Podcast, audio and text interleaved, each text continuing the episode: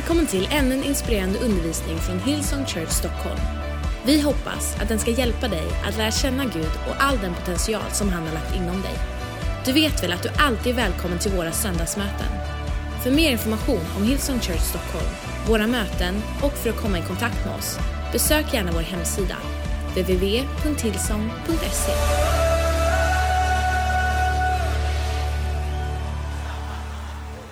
Första kungaboken. Och så, så går du till andra kungaboken. Kapitel 4. Vers nummer 1. Så står det om en kvinna som eh, en kvinna som har eh, slut på eh, liksom det hon har. Hon har söner och hon är skyldig folk pengar. Och hon vet inte riktigt hur hon ska ta sig vidare. Och så kommer en profet som heter Elisa och erbjuder henne en lösning.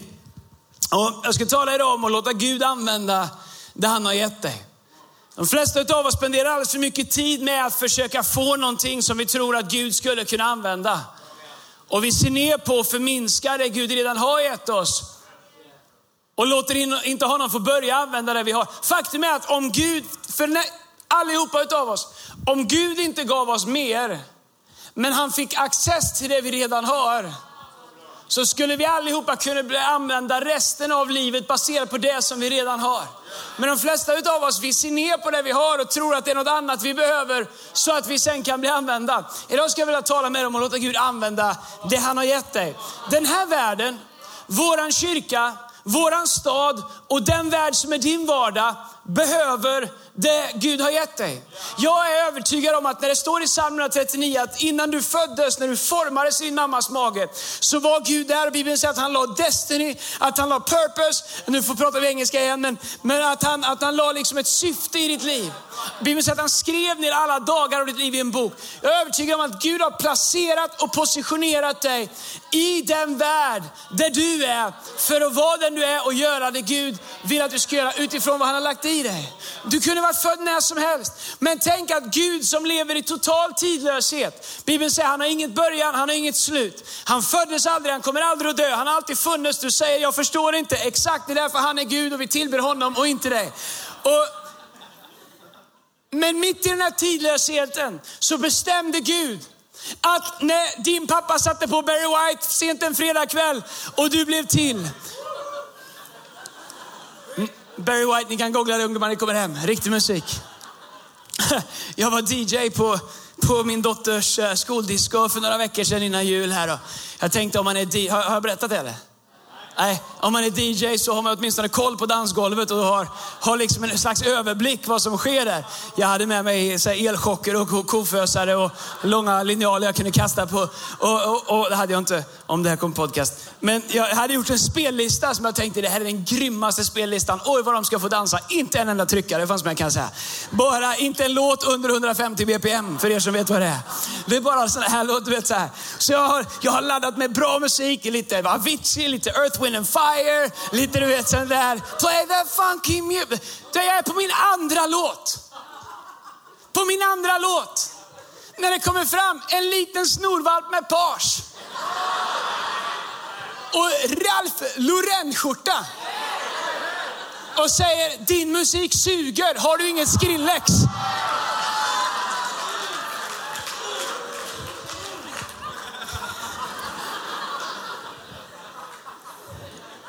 Han har bytt skola nu så vi vet inte var han finns längre. Jag har ingen aning om hur vi hamnar där, men tillbaks till Guds ord. Det som kallas för en avstickare. Man eldar upp tid. En kvinna som var född, förlåt, en kvinna som var hustru. Bara kollar. Eftersom de flesta av er inte har Bibeln med er så kan jag ju säga vad jag vill. Ja, det står där ja. En kvinna som var hustru till en av profetlärjungarna ropade till Elisa. Elisa var en profet. Min man, din tjänare, har dött och du vet att din tjänare fruktar Herren. Nu kommer hans fordringsägare och vill ta mina båda söner till slavar. Elisa sa till henne, vad kan jag göra för dig? Säg mig vad du har hemma hon svarade, din tjänarinna har inget annat hemma än en flaska olja. Då sa han, gå och låna kärl av dina grannar. Tomma kärl men inte för få. Gå sedan in och stäng igen dörren om dig, dina söner och häll olja i alla kärlen. När ett kärl är fullt så flytta det. Då gick hon ifrån honom. Sedan hon hade stängt igen dörren om sig och sina söner bar de fram kärlen till henne och hon hällde i av oljan. När kärlen var fulla hade hon till en, så sa hon till en av sina söner, ge mig ett kärl till. Men han svarade henne, det finns inte något mer kärl. Då stannade oljeflödet av. Och hon fick tillräckligt mycket olja för att kunna betala sina skulder. Och det här är en fantastisk historia, därför att kvinnan insåg att det hon hade hon insåg inte att det hon hade var fullt av potential. Så när profeten frågade henne, vad har du hemma? Hon säger, jag har ingenting. Jag har något tomt kärl. Och då säger men gå och låna ihop lite mer tomma kärl. Det profeten säger är, gå och samla ihop mer av det som inte är tillräckligt. Hon pekar ut vad hon har som inte kommer hjälpa. Profeten säger, exakt det kommer inte gå att hjälpa. Gå och skaffa lite mer av det som inte kommer hjälpa dig. Därför att det hon inte såg som en lösning, det såg Gud som tillräckligt med materia för att göra ett mirakel. Det profeten gjorde var inte att han ställde sig över hennes situation och liksom tog fram sitt magiska spö och sa simsalabim och så boom fick hon en skattkista och kunde betala sina skulder. Det profeten gjorde var att han bad henne inventera. Han bad henne inventera. Han säger, hon säger, vad kan jag göra för dig? Då säger han, säg mig vad du har hemma. När senast inventerade du vad Gud har lagt ner i ditt liv. Oh, come on, jag såg inte ens det när jag predikade i förmiddags. Om du hör det här för andra gången ska du vara glad för. Jag har en känsla av att det här kommer bli mycket, eh, ett helt annat budskap. När senast gick du till Gud och inventerade vad du har? Jag inser att mina böner mest handlar om vad jag inte har. Mest handlar om vad jag behöver att Gud gör i mitt liv, i min familjs liv, i kyrkans liv. Vilken lokal vi behöver, the central, uh, vilka, uh, vilka, vad, vad, vi ska jobba, vår strategi, våra lösningar, våra, vår, allt jag går till Gud. Jag håller upp det för Gud. Jag säger, men jag inser att Gud allt som oftast går tillbaks in till mig, till det jag ber Gud om. Och, och, och jag inser att lösningen alltid, eller i alla fall nio gånger av tio, är min erfarenhet att lösningen kommer inifrån. Att det man håller upp för Gud och säger, Gud vi behöver ett mirakel. Gud säger yes, låt oss se vad vi har i huset. Och så går man tillbaka sen, sätter man sig ner, så tänker man, så visionerar man, så, strategi, så lägger man en strategi. Så börjar man titta på det som man liksom förbisåg tidigare. Tar man fram och säger, kanske vi kunde göra någonting med det här. Och så helt plötsligt så har vi ingredienser till ett mirakel. Gud vill använda det du har. Vad har du ställt upp på hyllan hemma hos dig? Med en lapp på där det står oanvändbart. För en del kanske det är lite flutna. För en del kanske det är otillräcklighet. Men Gud är specialiserad på att ta det vi tror inte är tillräckligt och använda det. För jag har upptäckt att Gud behöver alltid en mänsklig materia och mänsklig inblandning. Eller han behöver inte, men han använder ofta våran mänskliga materia, mänsklig inblandning för att göra ett övernaturligt mirakel. Det är som när han spottar i leran och tar mänsklig lera, jordisk lera, jordisk spott, bakar ihop det, lägger på jordiska ögon och skickar himmelsk kraft in i den mannen och så blir den helad. Vad har du i ditt liv som verkar så vardagligt, så jordnära, så obetydligt, så oandligt att du har missat det i ditt livs inventering? Vad har du hemma i ditt kök? Vad har du i din garderob? Vad har du i förrådet? Kanske är det så att ditt mirakel finns i ditt hus. Medan du har fullt upp med att leta på utsidan så väntar Gud på att du ska upptäcka vad du redan har.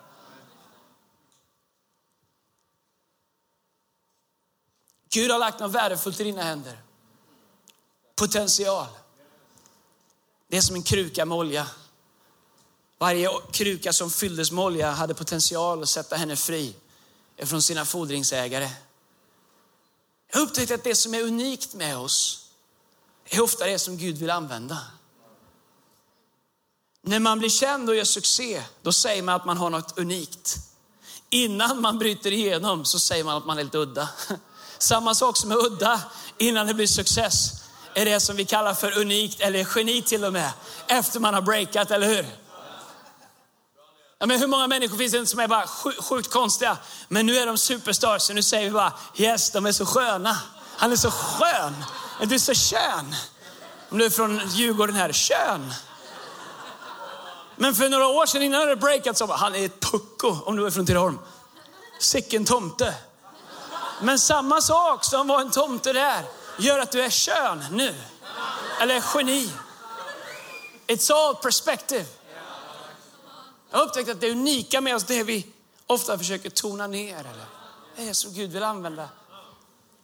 Jag märker på mina egna barn vilket tryck det är från tidig ålder att fila bort det unika för att kunna passa in och få den allmänna stora bekräftelsen.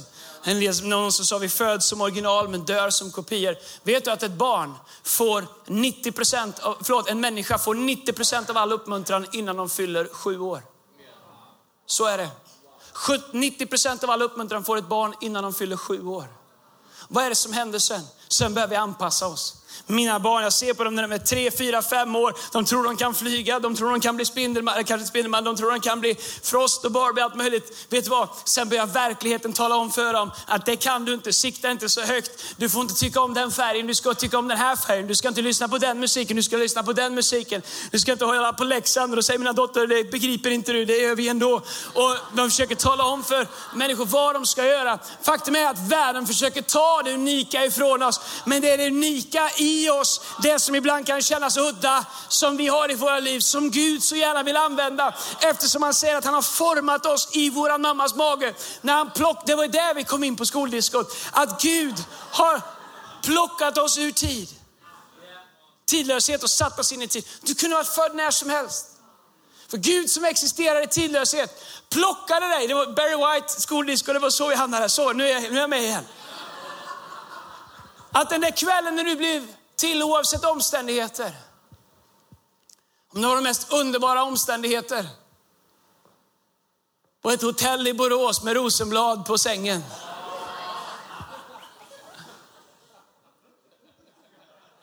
Eller det var fruktansvärda omständigheter.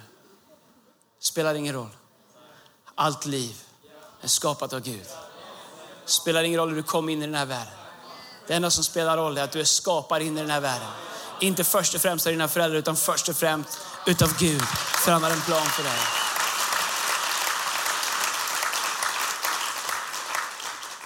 Så Gud plockar dig ur tidlöshet.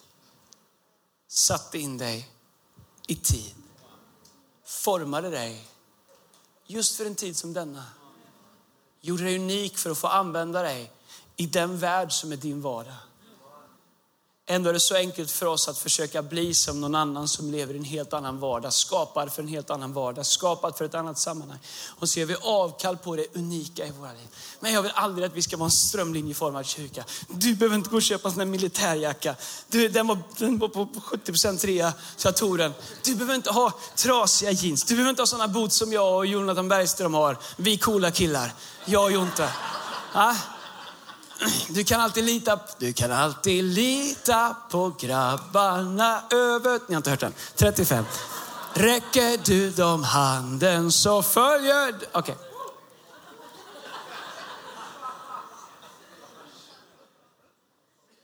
Jag vill att vår kyrka ska vara en plats där människor känner det som är unikt med mig firas här. Här firar vi det unika. Här firar vi det som är olika. Här firar vi det som är våra egna egenheter. Här kan man vara sig själv. Här behöver du inte bli någonting för att passa in. Det som är fantastiskt, en del säger Andreas, småkyrkor är mycket mer, mycket mer relationer, relationella. Vilket skitsnack. Här kan du komma och vara hur udda som helst. För den här kyrkan är så stor så risken är ganska stor att du hittar en till likadan som dig. Och då har du en kompis. Det kommer du aldrig göra i en liten kyrka. Never! Du kan vara hur speciell som helst. Jag lovar dig, vi har en till likadan i alla fall. Minst en till. Och jag ska personligen para ihop dig med den så att du har en kompis. Och ni kan ha en egen connect-grupp. Ni kan göra vad ni vill. Små kyrkor är mycket, mycket vänligare. Nej! Tänk dig att vara lite speciell, kom in i en liten kyrka där alla är likadana, så kommer du in där superdampig och speciell och känner, här passar inte jag in. Men så kommer du till våran kyrka och så träffar du Erik Liljeroth, Daniel Webb och några andra och tänker, här är alla sådana.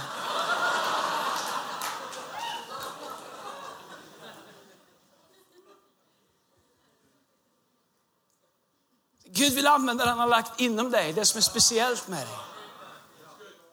Om vi låter världen tona ner det i våra liv, så tonar vi ner det som Gud vill använda i våra liv. Okej, okay, låt mig börja med den här predikan.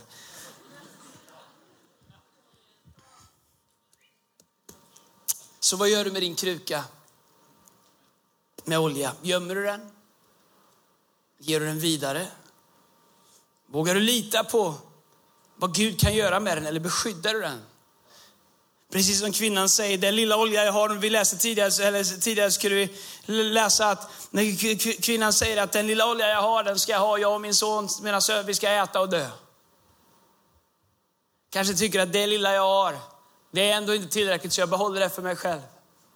Men jag kan få uppmuntra dig, att om det du har inte räcker för det du behöver, att göra det till en sådd. Att tänka att om det jag har är inte tillräckligt mycket, så är det bättre för mig att ta det lilla jag har och göra det till en del av någonting som är större. Så att jag får en inteckning i något som är större. Min vän, lev inte ett liv där du går och håller hårt i det som är ditt och tänker ingen får ta mitt och ingen får ta. Min vän, om du ger det till Gud, så kommer Gud kunna välsigna. Men hur ger man det till Gud? Det är egentligen inte det här en predikan handlar om, utan du måste komma till Leadership Bootcamp. Så ska jag tala om det för dig nu på, på, uh, på, på tisdag kväll klockan sju, eller hur? Klockan 19.00 på, på Folkungakyrkan i city och uppe på våra norra campus. Om hur du får ner kraften i backen. Hur du kan börja använda det Gud har gett dig. Vet du vad? Under den veckan som har varit, men jag vet inte hur det går med den här predikan, men under den här veckan som har varit så har vi gjort en turné här i, i Europa. Eller förlåt, i Skandinavien, de är i Europa nu. Vi var i Göteborg och hade en Hillsong Lawsons-konsert på engelska. Och uh, då var det så att jag gjorde, vi gjorde en inbjudan. Det var 368 människor räckte upp handen och sa jag vill lära känna Jesus på en kväll. 320 barn blev sponsrade för Compassion bara i Göteborg. Vi gjorde den i Stockholm här på, i torsdags kväll och eh, 180 någonting, 170-180 människor lyfte på handen och sa jag vill lära känna Jesus. Någonstans kring 150-160 barn blev sponsrade. Totalt sett med Oslo också så tror jag att vi har sponsrat någonstans mellan 550 och 600 barn via Compassion. Ungefär lika mycket eller fler har lyft handen på tre kvällar och sagt jag vill lära känna Jesus. Vet du vad? Vet du vad vi behöver? Vi behöver fler människor som går med Gud, som säger vet du vad? Jag vill ta det jag har och få ner den kraften i backen. Därför jag inser att det finns människor runt omkring mig som behöver behöver det jag har. Det finns så många människor som har så mycket i våran kyrka. Vet du vad? Det kan jag få vara ärlig med? Kan vi ha lite heart and soul här istället ikväll? Det finns människor i våran Nu ska jag säga som det är. Vet du vad? Det finns människor i våran kyrka som jobbar för hårt. För att det finns människor i våran kyrka som jobbar för lite. Det finns människor utan en naturlig gåva för det de gör som försöker göra det för att en del, för att du kanske finns här som är välsignad med den gåvan, är liksom inte riktigt har kommit loss och förstått välsignelsen av att använda den gåvan. Det en del sliter för, det skulle du kunna göra lätt. Kom om vi behöver dig. Om du säger, men jag är en del av Hillsong, då är du kallad. Då är, spelar ingen roll. Du säger, Andreas mitt liv är inte färdigt. Men join the club. Och du sätter hur det ser ut här uppe. Ser det färdigt ut de som står här på scenen? Gud tar dig där du är. Nu är du beredd att göra din kruka med olja tillgänglig för honom. Kan Gud börja använda dig det här året 2016, men vi behöver all hands on deck.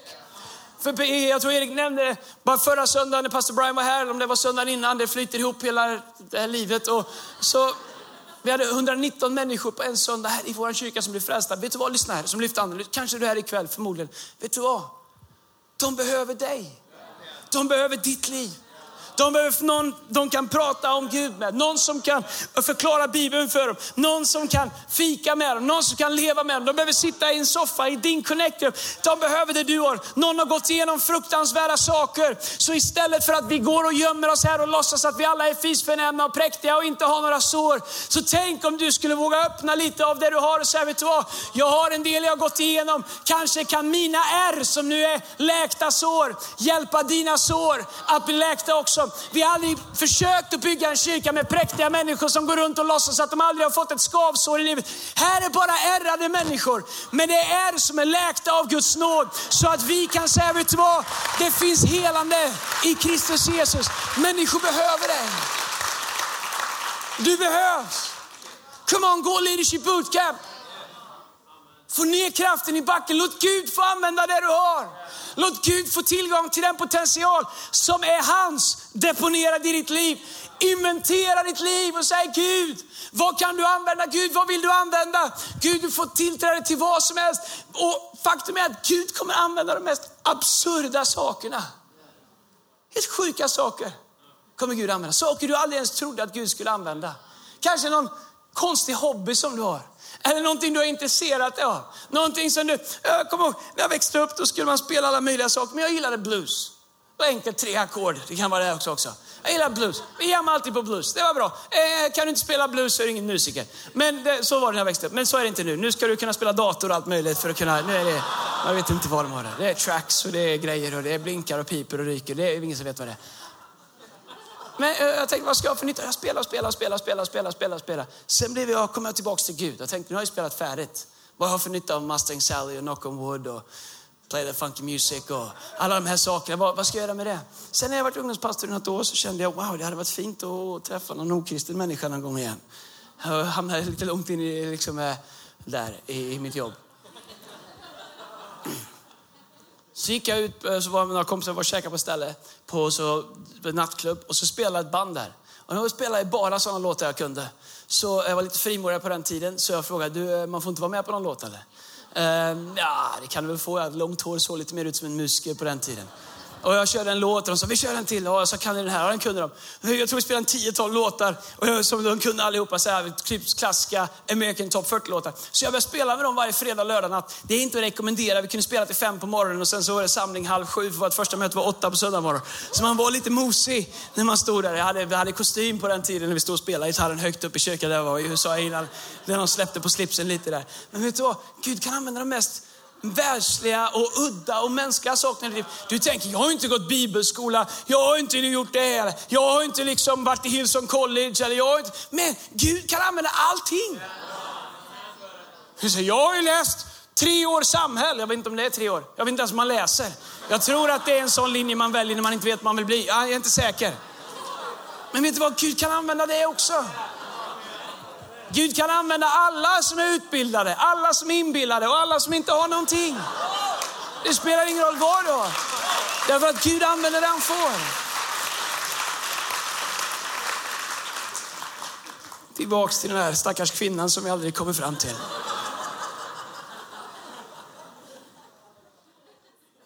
Det du har i din hand, det blir bara för litet. Om du ser ner på det. Det är det som är grejen. Första gången det du har i din hand, för, första gången det blir för litet är första gången när du ser ner på det. Moses säger, jag har ju bara en stav. Jag stammar jag kan inte ens prata, jag kan inte ens prata, men jag kan inte språk, jag kan inte ens prata. Jag har varit i öknen 40 år, jag har pratat med får. Och liksom, han pratar med tappdelay. Om du är ljudtekniker så är det roligt. Men... men Gud använder en så enkel sak som en stav. Moses ser ner på det och säger, vad ska jag göra med en stav? Gud säger, kasta den till marken. Sen plocka upp den igen. Vet du vad han gör med den staven? Han räddar hela Israel. Han håller ut den över något som kallas för Röda havet. Räddar en hel nation med något så banalt som en stav. Vad har du i ditt liv som är så banalt att du inte ens har erbjudit Gud att använda det? Vad har du lärt dig i livet? Vad har du hemma i bokhyllan? Vad har du i din plånbok? Vad har du, i, vad, vad har du, du tänker det är så världsligt. Vad ska med? Men Gud han, han specialiserar sig på att ta det som vi tycker är ingenting och göra stora saker med det. Han, han hela blinda ögon med geggamoja. Han använde två fiskar och fem bröd för att ge mat till tusentals människor. Simson tog en åsnekäke och, och slog ihjäl tusen personer med. I gamla testamentet, vi, hopp, vi, vi dyker inte ner för djupt i det. Det får du ta med Tobias Gard, exakt hur det gick till. David använde fem små stenar för att slå Goliat och befria hela Israel. Fem enkla stenar. Josef, hans förtroende för Gud beskyddade Guds son under Guds sons första nätter. När kejsar Herodes bestämde att alla nyfödda pojkar skulle avrättas så hade Josef ingenting i livet. Han kunde inte ens fixa ett hotellrum. Men han hade förtroende för Gud. Och det han hade sa han, Gud jag använder det jag har, jag har förtroende för dig. Jag ska rädda den här pojken som, som inte ens är liksom biologiskt min egen. Marias enkla lydnad bär och bar fram världens frälsare. En sån enkel sak som ett löfte från ett Gud. Hur ska man förklara det för omgivningen? En man, genom att uttrycka orden, det är fullbordat. Förlät hela världen sina synder. Alla som fanns då, alla som skulle komma, alla våra synder eh, har fått sitt förlåt. Både de som har varit och de som vi kommer göra har fått sitt förlåt. Och vi har fått rättfärdighet som en gåva ifrån Kristus Jesus för att en man gav sitt liv för hela världen. Min vän, du säger, jag har det, jag har det, är väl ingenting. Ja, men min vän, i Guds hand så är det som ingenting för oss kan bli gigantiskt. Vem vet vilka människor du kan leda genom olika röda hav ut i frihet genom det som du har i din hand. Vet du vad staven representerar i Mose hand? Det representerar det han gjorde till vardags. Han var en fåraherde, en fåraherde har en stav. Kanske sitter du på ditt jobb och du tänker om jag ändå fick tjäna Gud, jag kanske skulle sluta mitt jobb. Kanske är det exakt det jobbet som Gud vill ha. Du tänker att du måste bort ifrån där du är nu för att kunna tjäna Gud. Men Gud försöker komma till dig där du är för att kunna använda dig där du är. Du, Gud behöver inte dig i kyrkan först och främst. Han behöver få följa med dig till din vardag och få använda den du är. Din bil, din gräsklippa, whatever. Allt som vi har kan bli användbart om vi vågar lämna det i Guds händer i Jesu namn. Frågan är inte hur mycket vi har, frågan är till vem vi går med det vi har. Apostlagärningarna 17 och 28 så står det, ty i honom är det vi lever, rör oss och är till.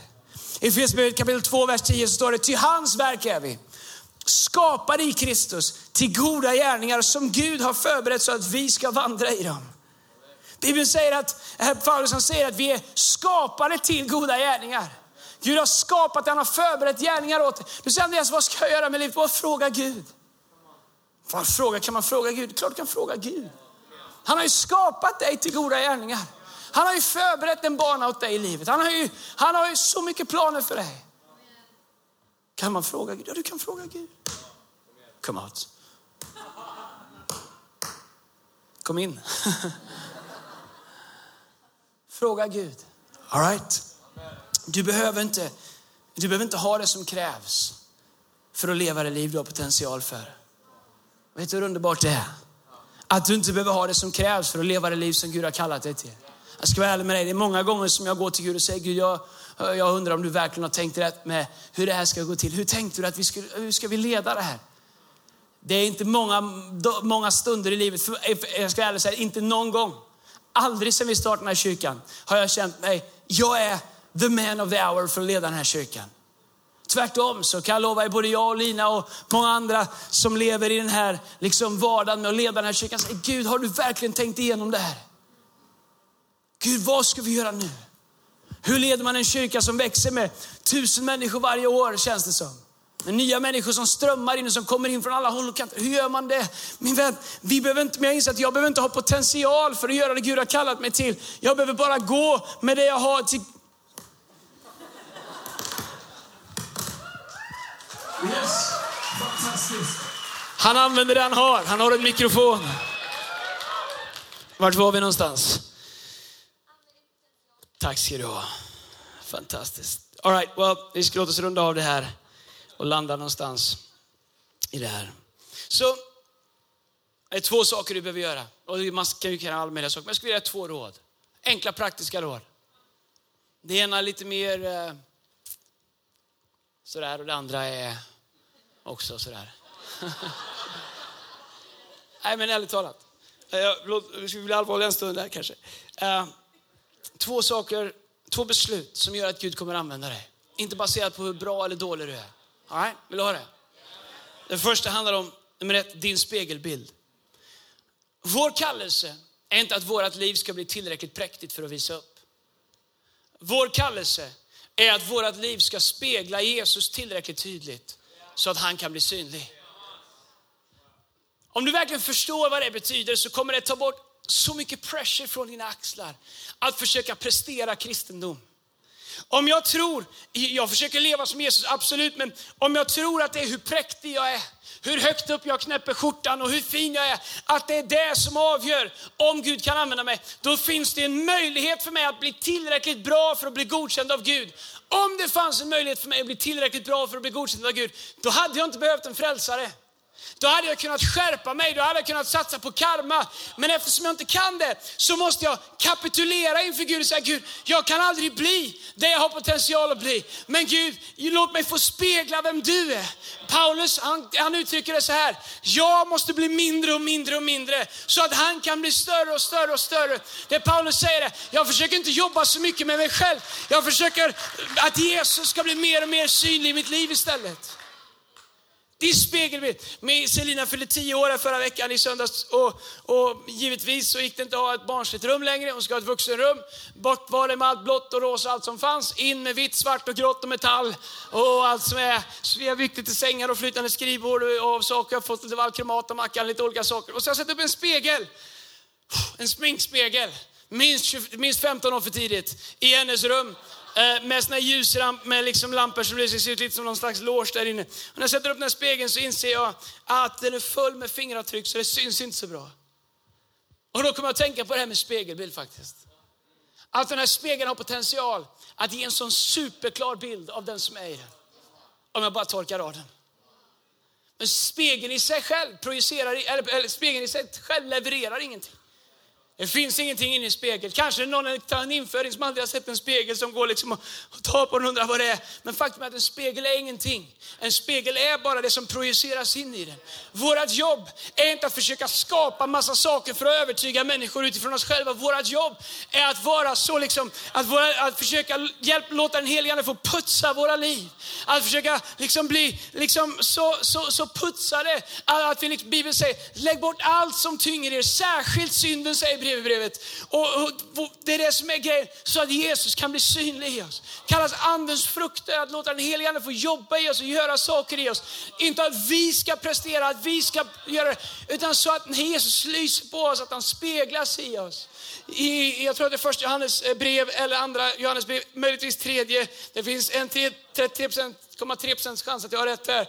Men det står att när världen ser hur ni älskar varandra ska de förstå att det är jag som har sänt er.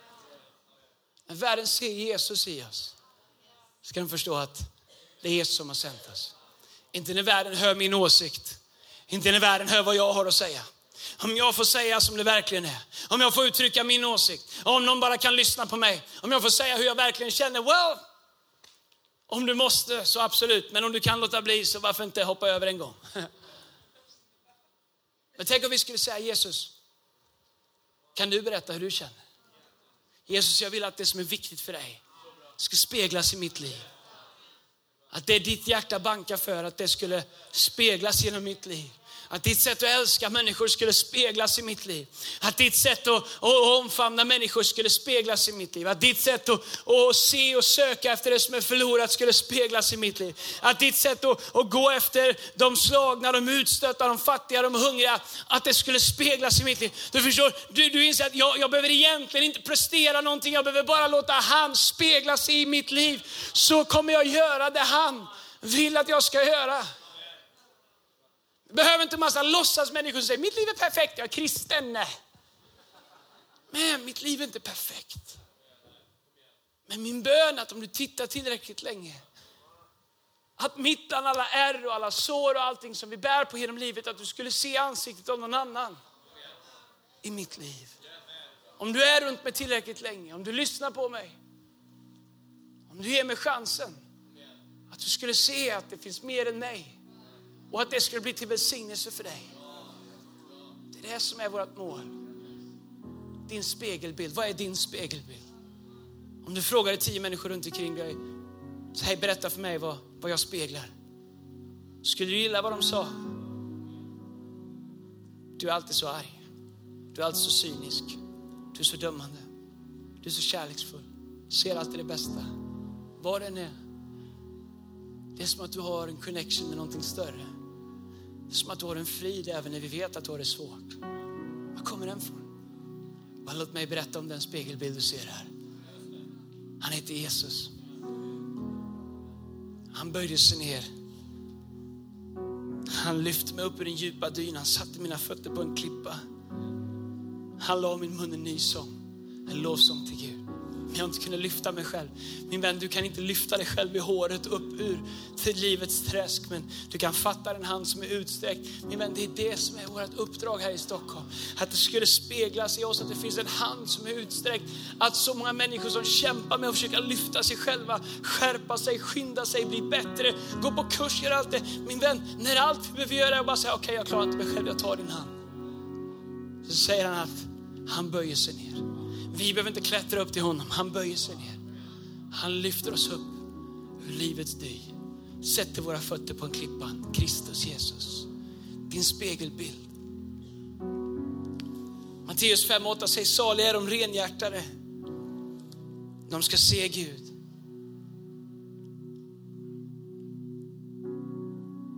Kan jag få säga någonting kort också? Två, din överlåtelse. Man vet att min tid är uppe, men eh, det finns en sång som jag älskar som heter Jag har beslutat att följa Jesus. Vi ska sjunga den alldeles strax. En refräng som heter Kristus är nog. Jag tänker på vilka stora ord det är att säga Kristus är nog. När jag säger att Kristus är nog så säger jag att Kristus, du är större än mina utmaningar. Du är större än mina relationer som jag inte kan hela. Du är större än mina räkningar jag inte kan betala. Du är större än jobbet jag inte kan få. Du är större än mitt äktenskap som jag inte kan lösa. Du är större. än Kristus än. Det vill säga att Jesus, du är, du är större än allt det. Om vi tror att Jesus är större än allt det, då måste vi välja oss hur vi ska förhålla oss till det. Och Bibeln har ett ord som, som, som, som det använder i det här förhållandet som kallas för överlåtelse, att överlåta. Man kan säga att det är ungefär som när jag, när jag säger, vet du vad, jag, låt säga att du är en rättegång och du har en advokat och överlåter du din talan till någon som kan hjälpa dig med det. Att överlåta sig till Jesus, det handlar inte om att vara svag, det handlar om att säga Jesus, jag kan inte det här. Men tack Jesus att du kan det. Jag överlåter mitt liv till dig. Det är du som har skapat mig Jesus, det är du som har designen, du har masterplanen. Du formade mig i min mammas mage. Du la liksom ett purpose i mitt liv redan i min mammas mage. Du har skrivit ner alla dagar, mitt livs dagar i din bok. Gud, jag överlåter mitt liv till dig. Du är min designer. Du är den som har en plan för mitt liv. Jag överlåter mitt liv till dig. En del tror att överlåta sig till Jesus, hur går det då? Vad ska han göra med mitt liv? Men du har inte en chans att matcha det Gud kan göra i ditt liv med om du leder ditt liv. Finns inte en möjlighet? Bibeln säger så mycket högre som himlen är från jorden så mycket längre som öster från väster, så mycket högre är hans tankar än vad våra tankar är. Gud har inga intentioner av att krympa ditt liv. Det enda han vill är att expandera. Han vill göra din spegel större. Han vill göra ditt liv större. Han vill göra dina armar längre. Han vill göra ditt hjärta större. Han vill göra ditt livs plattform större. Jesus vaknade inte på morgonen och undrade om han ska vara överlåten till oss. Han sa för 2000 år sedan, Bibeln säger medan vi ännu var syndare utgav han sig själv för oss. Offrade allt. Över, över, överlät sig till oss. Sluta förhandla. Bestäm dig för att överlåta ditt liv till Jesus. Varje del av ditt liv kan låta som old school, men det är fortfarande only school. Att överlåta sitt liv till Jesus. Våga lämna det i hans händer och säga Jesus, låt mitt, bli, låt mitt liv bli det du har ämnat det till. Det du har tänkt. Matteus 4 och 19 så står det om lärjungarna när Jesus kommer kalla dem så står det han sa till dem, följ mig så ska jag göra er till människofiskare. Genast lämnade de näten och följde honom. Lärjungarna hade definitivt inte vad som krävdes, men det som kvalificerade dem var att de släppte det de hade hållit i tidigare och följde Jesus. Men kanske finns du här, jag vet att du finns här. Och jag skulle egentligen vilja profetera, eh, jag vill profetera, jag vill säga det finns människor här idag som har ett sånt gudagivet destiny. Men allt du behöver göra är att släppa näten och du slits mellan om du verkligen skulle bära och följa Gud. Eller om du, om du verkligen vågar släppa tryggheten av näten. Min vän, anledningen att vi ens känner till lärjungarna är att de släppte näten och följde Jesus. Vem vet om Jesus kanske kallade fler? Kanske är det så att Jesus gick till andra människor och sa, om du vill, följ mig ska jag göra dig till människofiskare. Men de släppte inte näten. Kanske finns de inte med i Bibeln. Kanske frågar Jesus mer än Petrus, Andreas, Jakob, Johannes. Kanske var det andra som blev kallade som aldrig följde med. Vi vet inte om det var så. Vi vet det. Varje sekund i Jesu liv är inte nedtecknat. Men vi känner till de här. Varför? För att de släppte sina nät. Vad är kvalifikationen för att fullt ut kunna följa Jesus? Well, inte att du är tillräckligt bra. Den enda kvalifikationen är att du vågar släppa dina nät. dina ursäkter, dina rädslor, dina förbehåll. Inte skriva äktenskapsförord med Gud. Utan släppa det du håller i och våga följa honom. Det kallas för trust och lita på Gud, att överlåta. På samma sätt som man gör med en advokat i en rättegång. Man överlåter caset till honom och litar på honom. Johannes 21 och 20 så står det, Johannes som skriver det. Petrus vände sig om och fick se att den lärjunge som Jesus älskade följde efter. Det är Johannes som skriver det om sig själv, att Jesus älskar honom. Det var han som i måltiden hade legat vid Jesus sida och frågat, Herre, vem är det som ska förråda dig? När Petrus fick se honom frågade han Jesus, Herre hur blir det med honom? Jesus svarade, om jag vill att han ska vara kvar tills jag kommer, vad rör det dig? Följ du mig. Hade det här varit på västgötska så hade Jesus, skit du i det och sköt dig själv. Petrus säger, hur blir det med honom? Hur går det med hans synd? Är han verkligen kvalificerad? Jesus säger, vad har du med det att göra? Följ du mig. Men vi kan förhandla om om vi ska följa Jesus med vad andra människor gör. När jag var med i kyrkan för tio år sedan och den sårade mig. När jag var med i ungdomskören i Knäckebohult och jag ville sjunga solo hela min uppväxt men jag fick aldrig göra det. Det enda de sa till mig, säger du något mellan låtarna? Och det vill jag inte heller göra. Och, och nu är jag sårad. Well, var det då? Eller så bara slutar du vara det. Släpper dina nät och säger Jesus, jag litar på dig, jag hoppar, hoppas att linan håller. Jag kan inte följa Jesus för det finns så många falska kristna. Och det är som att säga, jag kan inte spela fotboll för det finns så mycket göteborgare. Jag känner att jag har varit alldeles för hård mot Djurgården, jag måste hugga på den. Det, det håller inte. Jesus säger, vad har du med det att göra? Lägg dig inte i hur det är med dem. Följ du mig. Här idag så är det enda du behöver ta ställning till. Ska du följa Jesus? Ska du överlåta dig till Jesus? Ska han få börja fullborda sina planer? Ska han få börja fylla dina kärl med sin olja under 2016? Ska du vara en av dem som börjar gå all in och börja explodera i sin potential som Gud har lagt i ditt liv? Är du den som ska stå ut från massan och säga, jag kanske inte är vad alla andra är, men tack gode Gud att jag är här med ett mål, med en mening, att Gud har en plan för mitt liv. Och vad ni tycker om mig och vad ni är med era liv, det spelar ingen roll. Jag följer Jesus. Du kan aldrig komma två i livet genom att sätta Jesus först. Ever. All right, ska vi stå upp tillsammans? Lovsångsteamet kan komma upp.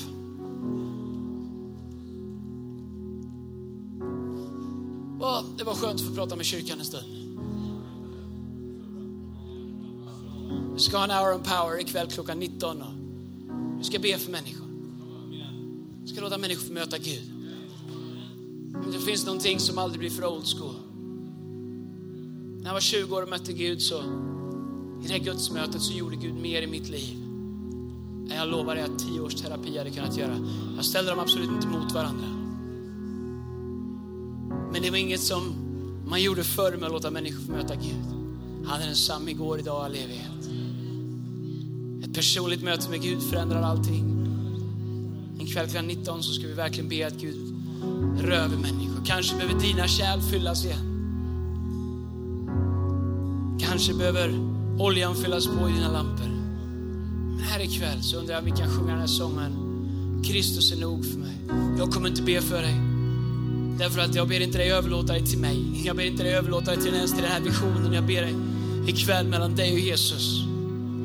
Att överlåta dig till Jesus. Att Låta det bli ett ögonblick i den här sången där du säger Jesus, jag vill följa dig. Jag vill vara en spegelbild av dig. I Jesu namn. Come on. Kristus. Tack för att du har lyssnat. Om du vill veta mer om Hillsong och mer om vem Gud är, kontakta oss gärna. Eller gå in på www.hillsong.se. Och kom ihåg, du är alltid välkommen till våra gudstjänster. Om du vill ha mer information och uppdateringar av pastor Andreas Nilsen, följ honom på Twitter, Instagram och Facebook där hans användarnamn är Andreas Nilsen.